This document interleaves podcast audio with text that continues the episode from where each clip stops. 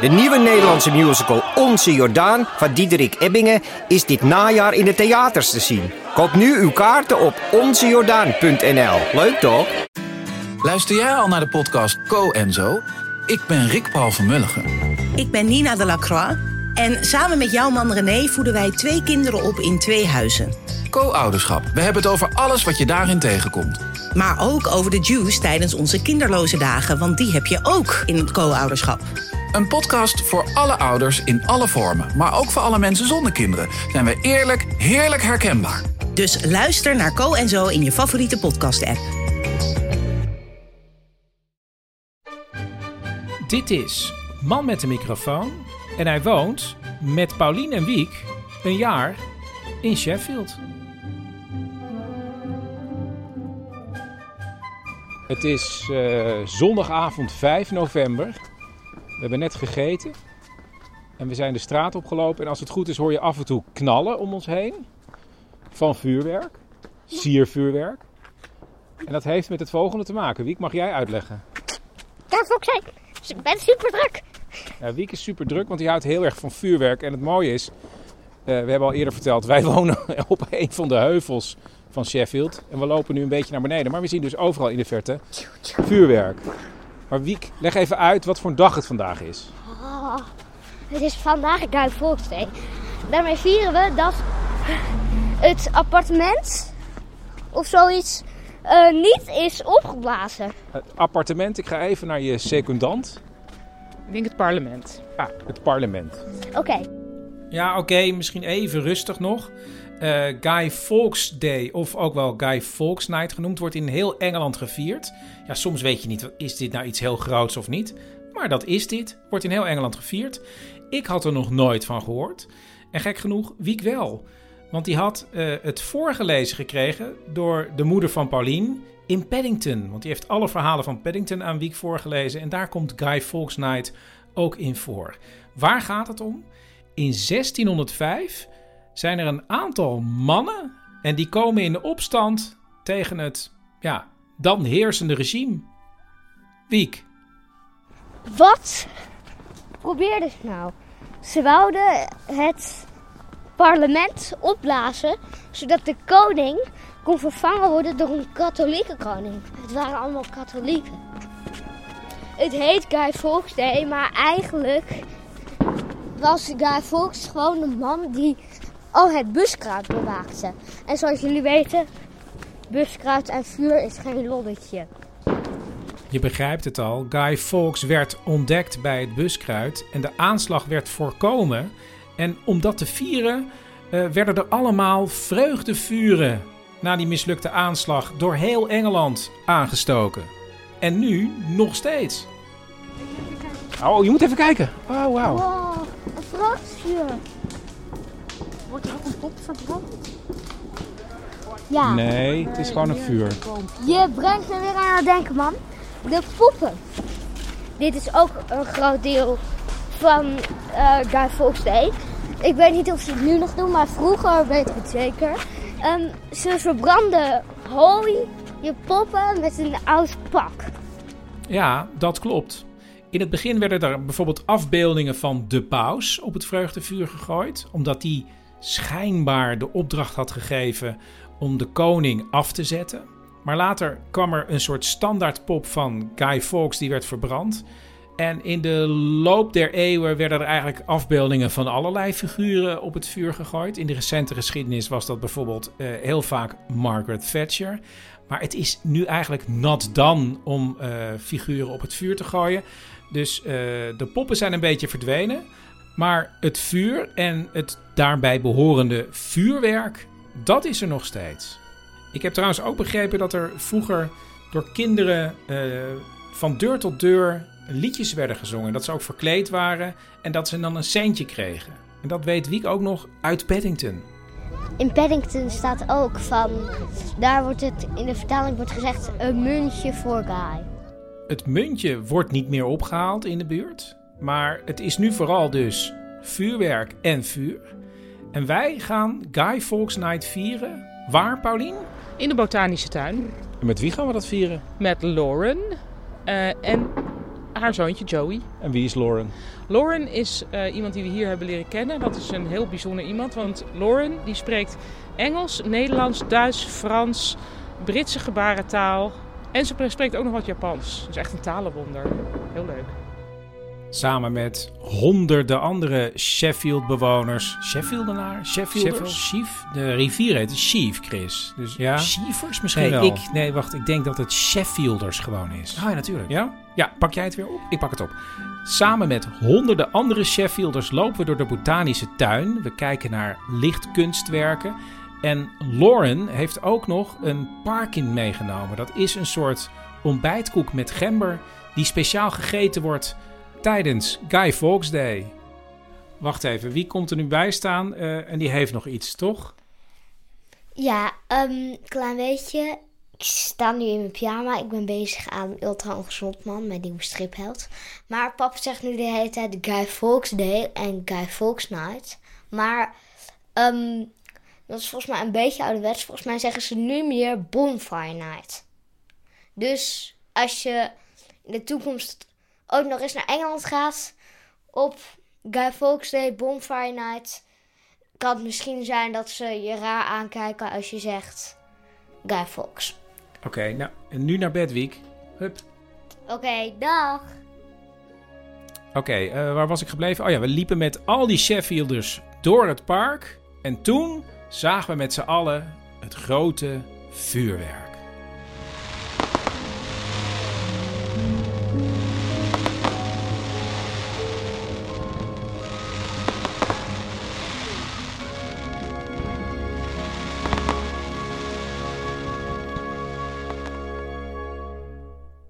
Paulien, ehm, we hebben net, eigenlijk, heb jij net al even gesproken over Lauren. Mhm.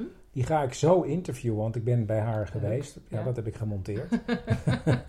maar we zeiden vorige week ook al dat we het zouden hebben over een speciaal Halloween feestje waar we geweest zijn. En dat was een feestje georganiseerd door Lauren. Inderdaad. En je kent, want je, je zei we kennen haar van hier, maar je kent haar omdat ze een vertaalster is, toch? Ja, en ik heb ooit contact met haar gehad omdat zij mijn boekje over Japan wilde vertalen. Dat, is, nee, want niks in Engeland lukt als het niet Engels is. niks niet ja, nee, Engels Engelsen lukt. willen niet, geen vertaalde Nee. boeken lezen. Die Maar- hebben al zelf al best veel. Maar Lauren bleek ook hier te wonen. En Ja. zo zijn we weer in contact gekomen. Zometeen meer over Lauren. Maar nu eerst even over dat feestje bij haar thuis. Dat was super leuk. Want, ehm, nou, ten eerste, wij waren underdressed. Zoals op zich wel vaker, maar nu heel erg, omdat bijna iedereen verkleed was. En wij dachten, nou, de kinderen zijn verkleed, maar verder niemand. Wel iedereen. En echt, gewoon, dus alle volwassenen Ja, als hier. spook, als Gewoon, heks, eh, hebben gewoon hun kostuum in de kast. als Harry Potter. Het was Ja, gewoon een accountant die had zi- zichzelf helemaal als heks uitgedost. En haar man, die was een, dat een engineer, die Ja. was gewoon een spook. Ook met een soort kap over zijn Dat hoofd. was echt een beetje kloek kloek. maar dus niet van, ik pak Nee. even, ik pak Nee. even een laken. Echt en er was een clown ook. Er was iemand als clown. Er waren wel een paar mensen ook niet verkleed. Maar het andere bijzondere aan het feestje was dat bijna iedereen Britse gebarentaal sprak. Want de man van eh ik Lauren zeg trouwens is sprak, dat behoor je geloof ik niet te zeggen. hè? gebaarde. Hij, bijna iedereen gebaarde. Ja, want de man van Lauren is eh, doof en ziet ook heel slecht. Ja. Ehm, en wij waren in de minderheid. Ja. Nou zijn we hier voortdurend in de minderheid. Maar we zijn wel gewend dat wij een soort geheimtaal spreken, namelijk Nederlands. Maar dat we stiekem iedereen kunnen verstaan. Nu was dat helemaal niet zo. Dus ik had van tevoren wel een paar gebaren eventjes via YouTube geleerd. Zodat ik in ieder geval Ben, de man van Lauren, kon zeggen van... Nice to meet you. En eh, happy Halloween. Eh, maar verder, ja, wat er tegen ons werd gebaard, we hadden geen idee, hè? Nee. En eh, wat ook leuk was, toen we binnenkwamen, waren in de gang allemaal papieren opgehangen. Ook nog met wat ehm, BSL-tekens. Ja. dus Dus dat is British, British Sign Sign Language. Language. En dan een paar Halloween gerelateerde dingen, zoals spider en, en witch en dat soort, dat soort gebaren. Ja. En wat ik ook leuk vond, is dat eh, Ben had een soort iPad en daar kon je in spreken. Ja. En dan kon hij dan, omdat hij dan nog wel, met, hij, hij ziet niet heel goed, maar nog een heel klein beetje, kon hij eh, op hele grote letters ook zien wat er gezegd werd. Maar Ja. het was een Engels programma en wij stonden dichtbij zijn iPad in het Nederlands te praten. En er verschenen er hele rare Hele zinnen. rare dingen. En wij dachten ook, oh, dat is handig. Dan kunnen de, al, die, al die dove mensen kunnen, kunnen we deze iPad onder hun neus drukken. Maar dat was niet zo, want sommige mensen vinden dat helemaal niet prettig. Dus wij stonden op een gegeven moment te Ja. praten. Ik dacht van, ik probeer even contact te zoeken met een jongen die heette Paul. Die kwam uit Londen. En toen kwam Lauren erbij en die zei, ja, hij, hij gebruikt echt niet graag die iPad. En toen Nee, want is hij zij- keek niet naar die iPad. Want Nee, wij hebben hij hem, hadden gewoon- hem bijgehaald. Ja. Ja. Maar toen is Lauren gaan vertalen.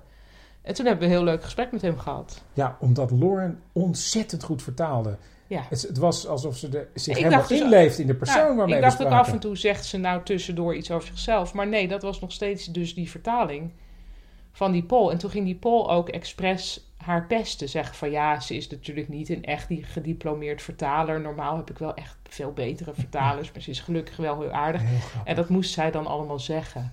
Vond, Ja. En dan zag je, dat, vind, dat vond hij grappig. Oké, nou ik ben eh, de dag erna eh, bij Lauren op bezoek geweest. En eh, nou, dat gesprek hoor je nu.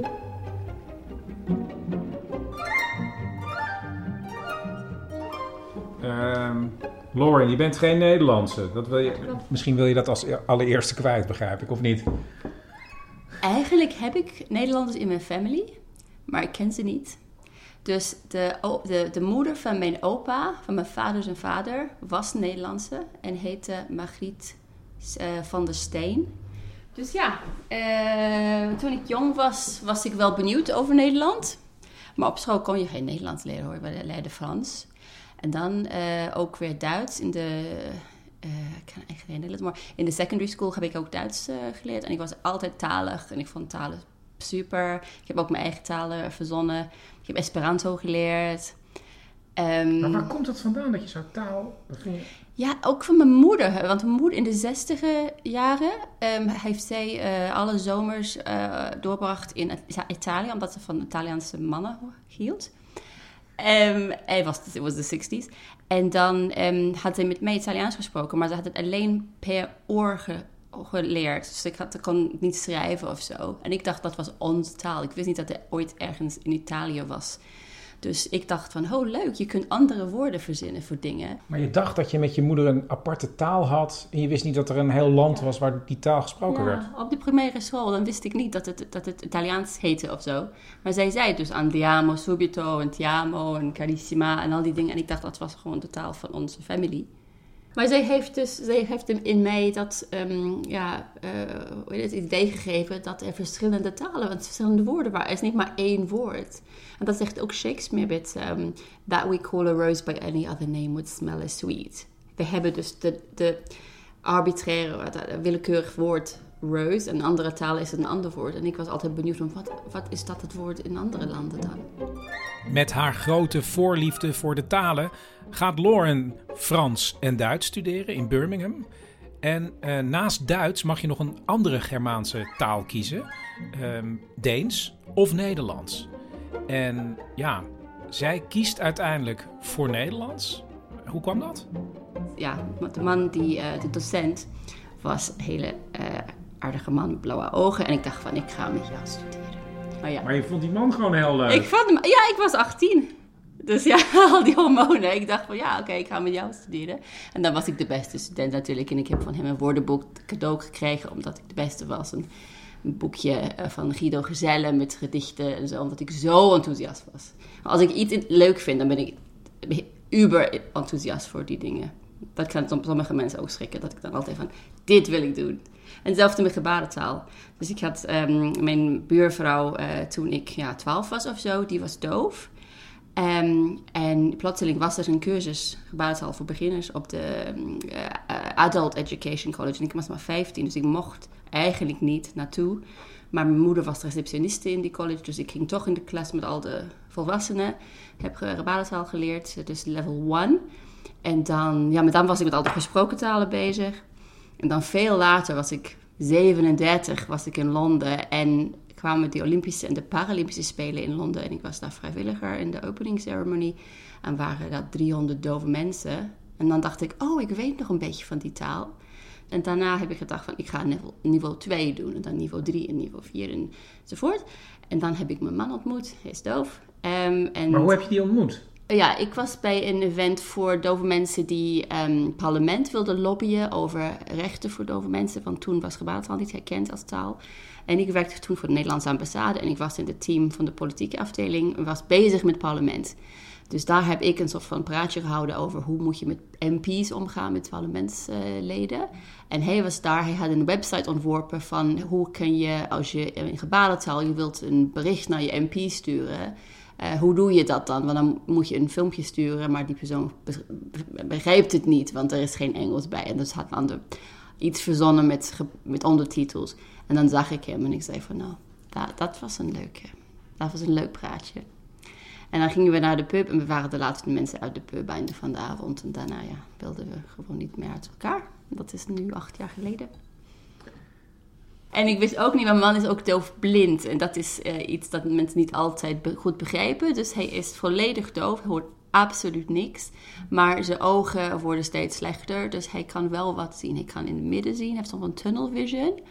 Ehm, dus dan was hij ook weer anders van andere dove mensen. Want ik moest ook, bijvoorbeeld soms was het te donker. En dan moest ik hem zijn, zijn handen houden met hem te gebaren. Dat is ook weer romantisch. Ja, maar dat heb ik, had ik ook nog nooit gezien voordat we hier op jouw feestje kwamen met Halloween. Ja. Dat je ook elkaars handen vast kunt houden en zo kunt praten. En dat is eigenlijk wat Ben het liefste wil, omdat hij zo slecht ziet. Precies, het is een soort van lippen lezen en met de handen lezen. Want dove mensen die goed kunnen zien, die kunnen niet horen. En als iemand niet gaan gebaren, dan gaan ze kijken naar je lippen, wat je zegt. En Ben, wat hij gaat doen, hij gaat voelen wat voor handvorm ik heb. En dat is dan het gebaar. En dat is van lippen lezen. Hij doet, dat heet tactiele gebarentaal.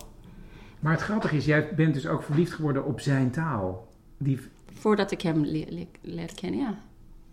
Iedereen vraagt mij van, heb je het voor hem geleerd? Maar nee, ik heb het voor mezelf geleerd. En daarna had ik dus de, de mogelijkheid om met hem te praten. En ik heb al, altijd, eh, ik was dus al 37 toen ik hem ontmoette. En in Londen, als je 37 bent en je op, Tinder zit, dan is het heel erg. En, en alle vriendinnetjes zeiden van, ja, ik vind geen man. Ik zei van, leer gebarentaal, want al de mannen op de dove club die, die, die kunnen niet met de vrouw praten. Eh, dus zij hebben moeite om eh, vriendinnetjes te krijgen. Maar er zijn ook hele leuke mannen daar. Dus je moet even komen, met, mij komen. En een paar van de vriendinnetjes er toch komen. Maar alleen de, degene die dan echt de taal wil echt leren. Want het, het is, dat leer je niet in één dag. Je moet heel veel tijd eh, insteken. Om, want het heeft zijn eigen grammatica. Het is niet Engels op de handen. Het is niet in dezelfde volgorde. Het heeft een eigen... Bijvoorbeeld, ik zeg niet... ehm, ehm, eh, wat is jouw naam? Ik zeg naam, jij, wat. En dan doe ik zo met ogenbrauw, ogenbrauw, wink, wenkbrauw omhoog.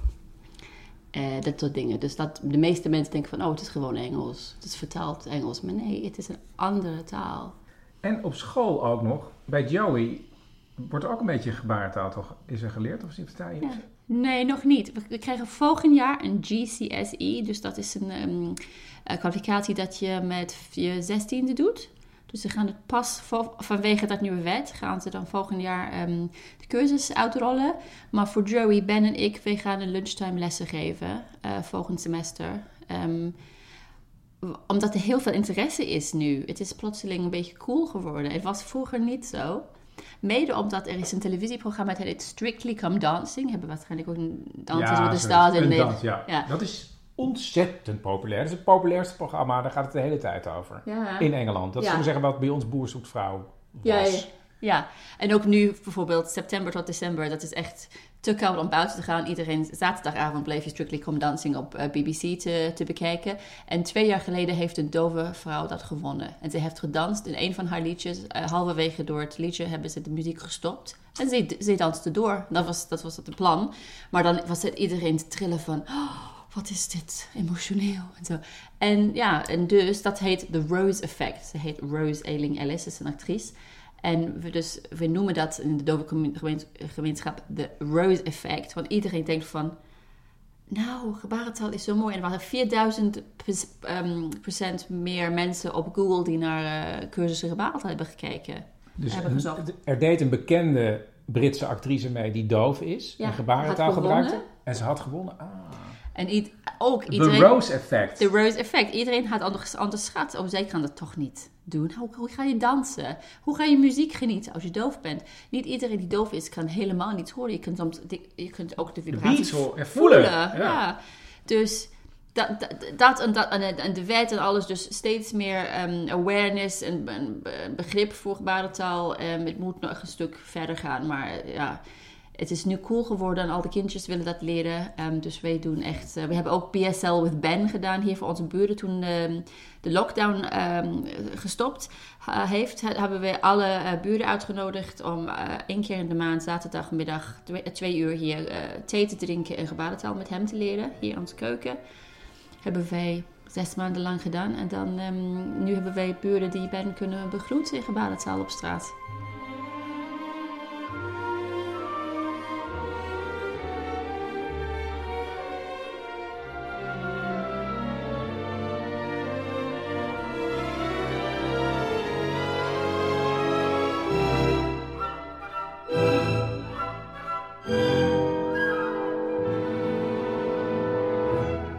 Paulien zei ook nog dat jij eh, op de ambassade gewerkt hebt in Londen, de Nederlandse ambassade. En dat je zei van, ik kan jullie wel Engels lesgeven. En dat er op de ambassade allemaal mensen waren die zeiden, nee, nee, nee, wij spreken wel Engels. En dat ze na een tijdje, zei ze, kwamen ze alsnog naar jou toe, want dan wilden ze toch Engels leren. Maar waarom was, waarom was dat? Ja, het was best wel grappig. Ehm, dus ik was de enige, aan het begin de enige lokale kracht die Brits was. Er waren heel veel Nederlanders die een Britse man hadden of zo. En dan diplomaten. Dus er waren tot van twee soorten mensen. Ehm, en ik had altijd te veel enthousiasme. Dus ik zei van, ja, ik ga dit doen. En dan iemand zei, maar niemand gaat komen, Lauren. Alle Nederlanders kunnen Engels. Dat is onze tweede officiële taal. Ik zei, nee, maar ik ga uitleggen hoe je met Britse diplomaten omgaat. Hoe schrijf je een e-mail? Hoe krijg je wat je wilt? Dus ook een soort van onderhandelen in het Engels. Hoe maak je small talk? Want Nederlanders doen dat niet. Die komen binnen, je hebt je broodje kaas en je glas melk. Dan ga je over business hebben. De Britten niet. Ze gaan over cricket praten. En ze gaan over, over de weer praten. Dus het was niet alleen maar taal, maar ook over cultuur. Dus ik heb het aan het begin gedaan, denk ik, met vijf of zes mensen. Een lunchtime talk. Ehm allerlei idioompjes en, en grappige dingen eh, gedaan. En ja, eh, kennelijk hebben ze een aantal... ehm, ehm, Aan elkaar door. aan elkaar doorverteld. Ehm, en dan aan het einde was het verplicht, het was onderdeel van mijn baan, dat ik de nieuwe diplomaten moest, dit, deze cursus moet geven. Dus het was How to get what you want from British diplomat. Dat is dan dat is de etiketten en de, en de, de cultuur. En ik heb, voordat ik voor de Nederlanders werkte, heb ik voor twee Britse ambassades gewerkt. Dus ik heb op Britse ambassadeurs gewerkt als woordvoerder. En, en wij zijn veel indirecter. Engels hebben natuurlijk wat wij noemen een slag om de arm. Dus Mm. als wij heel leuk naar een huis gaan kijken, dan denken wij al: oh, we hebben zo'n leuk contact met die vrouw. Ja. Die wil het aan ons verhuren. En die Ja. zegt dan de volgende dag tegen ons: van hé, hey, ik heb het, het is inmiddels al aan iemand anders verhuurd. Ja. En dan moeten we eerst ons denken van hé, maar het was toch zo gezellig? En dan, oh nee, het is verhuurd. En dan later dacht ik pas, het was helemaal niet verhuurd. Oh, Maar dat zou ook nog kunnen. ja. Dat is een Engelse, maar, maar dus al die slagen. Het is de beleefdheid. Je wilt niet eh, onbeleefd zijn, dus je gaat ook de white lies vertellen. Dat doen de Nederlanders niet. Ik weet nog, ik kwam ooit, ik was bij de kapper en zei van, nou, dat staat je helemaal niet. Of iedereen, iemand zei van, jouw, jouw rok is te... Hoe heet het? Ik heb... Strak. Strak, ja. Ik was nog eh, vrij, vrijgezel, dus ik kwam met mijn strakke jurken en zo naar, naar werk. En iedereen zei van, nee, maar die billen zou, dat zou, je- zou ik niet doen. En die zei van, I beg your pardon. Wat zal je nooit zeggen? Echt persoonlijke dingen over je lichaam, over je haar of wat dan ook. Maar wat ik wel na een paar jaar pas heb geapprecieerd, was dat als iemand zegt van wat goed, bedoelt het, dat, dan is het echt. En Britten die zeggen wat goed de hele tijd. En je weet nooit of het klopt, of het waar is of niet. Want we zeggen het voor de beleefdheid. Ja. Ben jij voor een Britse ook niet een beetje Nederlands qua direct of zoiets? Of qua... Misschien intussen geworden, dankzij al de collega's die met mij direct waren. Hoe heeft het jou veranderd, denk je? Ehm, ja, misschien ongeduldig worden met mensen die te indirect zijn. Ook in mijn family mensen die te indirect zijn. Die zeggen van, what, what do you mean? Just say it. Stop wasting time. Ehm, dus dat is, eh, ik vind het wel efficiënt. En het lijkt ook op de dove cultuur. Want dove mensen, die zeggen ook niet van... ehm, hè, of ze zeggen ook van, oh, jij hebt toegenomen. Of wat ben je oud geworden? Oh, je hebt grijze haar. Of, en ze hebben ook die gebaren namen. Bijvoorbeeld, iedereen krijgt een gebaar. Dat is jouw naam. En dat is iets van jouw uitzien. Of het kan ook je personaliteit zijn. Dus bijvoorbeeld, ik, ik heb, ik kan het niet op de radio eh, laten zien, maar ik heb L. En dan, ik heb heel veel eyeliner altijd. En een dove vriend van mij zei van, je hebt te veel eyeliner. Dus jij bent L eyeliner. En dat is dus mijn gebaar. En dat is zo gebleven. En iedereen zegt, oh, die L met de eyeliner, dat is Lauren. En Dus dat is weer heel direct. dat is heel direct. Want misschien, ik heb ook een vriendin Donna, ze heeft grote boezems. En dat is dus zo, dat is haar naam, Donna. Je schudt nu met je boezem heen en weer, zou maar Ja. zeggen, als gebaar. Dat is gewoon haar naam in dovertaal? Ja. En wat eigenlijk horen de mensen zeggen van, misschien heb je ook nicknames van, oh, shorty of oh, wat dan ook. Zij zeggen het direct tegen de persoon. En dove mensen hebben ook een gebaar, dat is eh, dikke huid, zo. En dat is onderdeel van de dove cultuur, is je moet het eigenlijk kunnen nemen zonder boos te worden. Dus dat is, dat is onderdeel van dove cultuur, is iedereen zegt rechtstreeks wat te denken. En dus dat is anders dan de horende Britten. Maar de dove Britten zijn een beetje Nederlands, vind ik. Ja, dit is alweer de eindmuziek, maar blijf nog even luisteren, want zometeen komt helemaal achter de uitzending nog een eh, klein leuk verhaaltje van Lauren. Maar dit was aflevering 13 van de Sheffield-serie. Ehm, je kan lid worden op petjeaf.com. Ehm, misschien heb je vragen of opmerkingen, vinden we ook heel erg leuk. Dat kan allemaal gestuurd worden naar manmetdemicrofoon.gmail.com. Ja, manmetdemicrofoon.gmail.com. Ik zou zeggen, tot volgende week.